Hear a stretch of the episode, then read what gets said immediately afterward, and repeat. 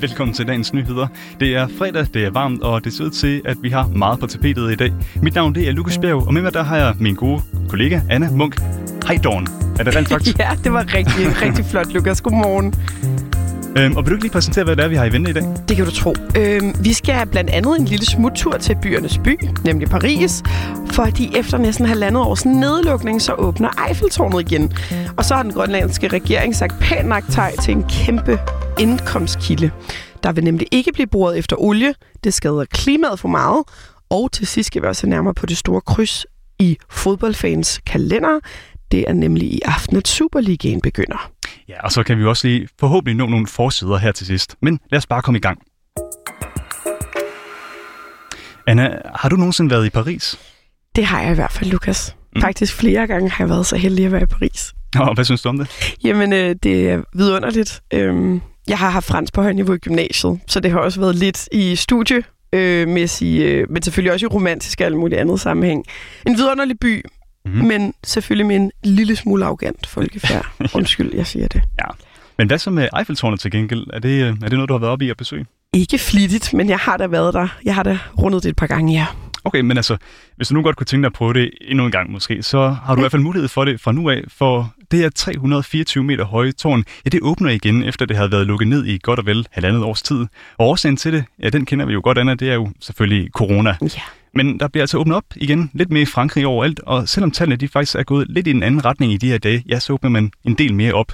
Og det betyder altså, at et varemærke for Paris, altså ja, Eiffeltårnet, som der nærmest er et varemærke for hele Frankrig, det er nu også klar til at åbne, og det er rigtig godt nyt for den franske turisme. Det fortæller Uwe Krostam, som er rejsekasserer for danske rejsejournalister. Der er der ingen tvivl om, at øh, sådan et øh, ikon som Eiffeltårnet, det har stor betydning for fransk turisme generelt. Og øh, der findes selvfølgelig mange andre ikoner også i, i Paris.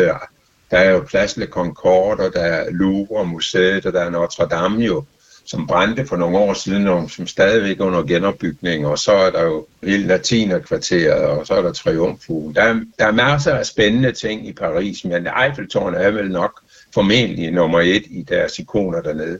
Hvad siger du, Anna? Tænker du også, at Eiffeltårnet det er sådan, at det mest ikoniske, vi har? Ja. Ikke, ikke lige, jeg synes ikke, at det, det er den mest ikoniske bygning, men, men det er det jo nok øh, som varetegn på en eller anden måde. Ligesom operan i Sydney eller et eller andet. Man ser den der arkitektur. Mm. Ja. Der er sikkert også mange, der har det her med, at Eiffeltårnet det er meget ikonisk, og derfor kan vi også lige tage en hurtig quiz for lige at finde ud af, hvor ikonisk du egentlig synes, det er. men, øh, men først så synes jeg lige, vi skal høre på ham med Ove igen, for hvad er det helt præcis, der tiltrækker folk ved lige netop den her bygning her? Det er jo spændende at komme over om godt 300 meter op og kigge ud over Paris og, og se Paris og scenen, der slynger sig igennem byen, og, og man kan se de andre steder, jeg nævnte før. Dem kan man jo se op fra toppen af Eiffeltårnet. Nå, men som sagt, vi har en lille quiz om Eiffeltårnet til dig, Anna. Yay. Jeg har taget tre spørgsmål med, og du får lige nogle valgmuligheder til, til hvert spørgsmål her. Det første, det lyder sådan her.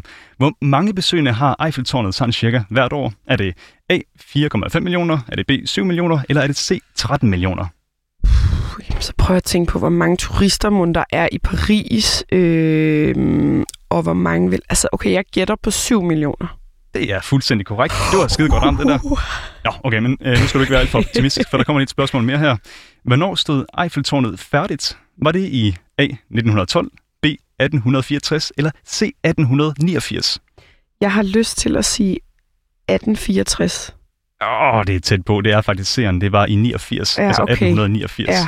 Okay, jeg vidste, at det var i 1800-tallet. Det var meget godt. Ja. Og du får lige en revanche her til sidst, for nu kommer det sidste spørgsmål. Hvis du nu tager til Paris og vil stjæle det her tårn, mm. så bliver det altså en ret svær souvenir at få med hjem, for det er meget tungt. Men hvad vejer det? Er det sådan cirka 4.000 ton, eller 8.000 ton, eller 10.000 ton? Åh oh, ja. Øhm, ja, ved du hvad, så går jeg sgu med 10.000 ton. 10.000 ton, og det er fuldstændig korrekt. Godt yes. Godt Kæmpe optur. Jeg vil faktisk sige, at du fik øh, øh, den første og den rigtige, øh, den sidste korrekt, så det er 2-1. Jeg synes faktisk, det er ret godt klaret godt nok, men det er også på alle måder, kan man sige, en meget stor vild bygning. Og faktisk så var det tilbage i 1869 den højeste bygning i verden. En rekord, der den holdt øh, frem til 1930, hvor Chrysler-bygningen i New York den stod færdig. Men Anna, hvis man nu gerne vil til Paris og besøge, altså for eksempel Eiffeltårnet eller Louvre eller en af de mange andre attraktioner, så har vi lige her et lille råd fra rejsejournalisten Å Krosdam. For det første så skal man jo løbende holde sig orienteret om, hvad Udenrigsministeriets borgerservice de skriver om de forskellige lande, og øh, hvilke øh, krav der er, og så videre. Og, og så skal man jo tjekke på det pågældende område, og måske ovenikøbe den pågældende øh, attraktion, fordi det er jo attraktionerne selv, der beskriver, hvilke krav, der stilles til turisterne. Og på den måde, så kan man jo føle sig sikker på, at man kan komme ind. Det ville jo være ærgerligt at tage til Paris udelukkende for at komme op i Eiffeltårnet, og så har man ikke set, øh, kan ikke opfylde de restriktioner, man kræver. Så det skal man være meget opmærksom på. Nå, Lukas, skal mm. vi blive lidt i udlandet og tage en lille, lækker klimanyhed? Ja, kom med den her. Har du været i Grønland nogensinde?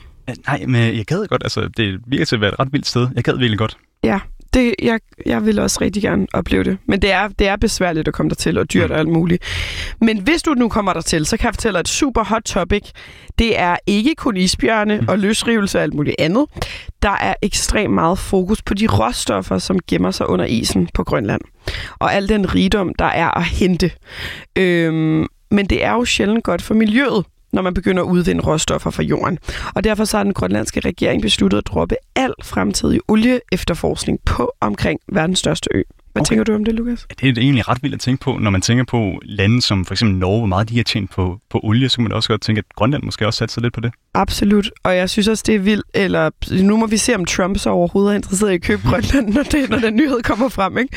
Men, øh, men grunden til, at man, man øh, indstiller al eftersøgning mod øh, olie, det er, at øh, selvfølgelig til dels på grund af klimaet, dels for at passe på det særligt sårbare arktiske miljø og de naturrigdom, der er, øh, og så også den spirende turisme og landets hovedindtægtskilde, som er fangst og fiskeri.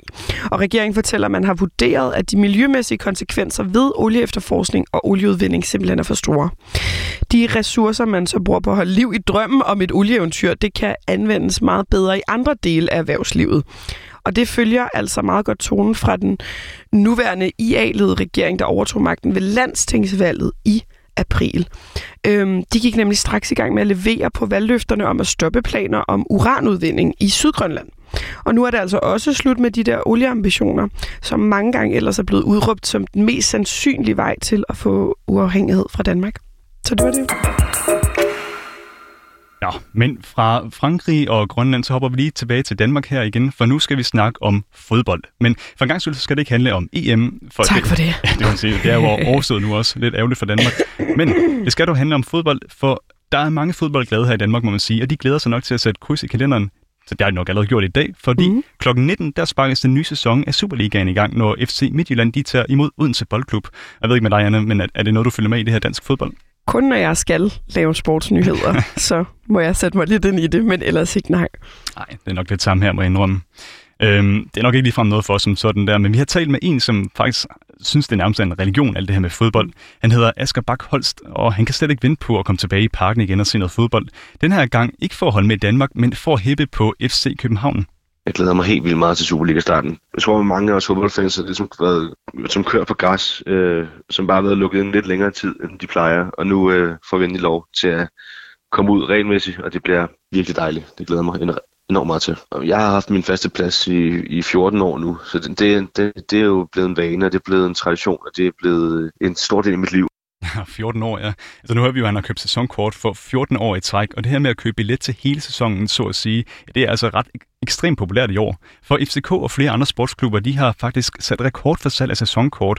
Og nu der får du altså også lige en hurtig ekstra lynquiz, Anna. Uh, du hvorfor... er over mig i dag. Ja, jeg ved det godt, men det er fordi, du er så vidende om mange ting. ja.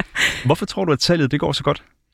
Øhm, altså jeg tænker lige over, at det næsten må være sådan en, øh, en følelsesmæssig flaskehals efter corona, man simpelthen har brug for at komme ud og, og råbe lidt.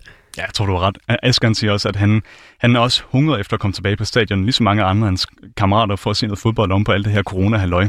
Og det er bare et særligt forhold, man opbygger til dansk fodbold, siger han. Også selvom de spiller bedre i store andre lande, som Italien og Tyskland og England jeg har meget bedre læse Superligaen, for eksempel Premier League og de andre store ligaer, fordi det er nærmere, og fordi jeg har det her klubforhold, jeg har. Man føler sig tættere på spillerne og på klubberne, og øh, ja, det, det, det er svært at forklare, fordi for fodboldniveau-mæssigt, så er der jo, kan det ikke være et argument jo, de spiller jo noget hurtigere og noget bedre i, i for eksempel i England, men øh, fagmiljøet og det, det at kunne komme til fodbold regelmæssigt, og ja, som gør, at lige, for mig, at det er Superligaen, der, der, der rykker noget for mig.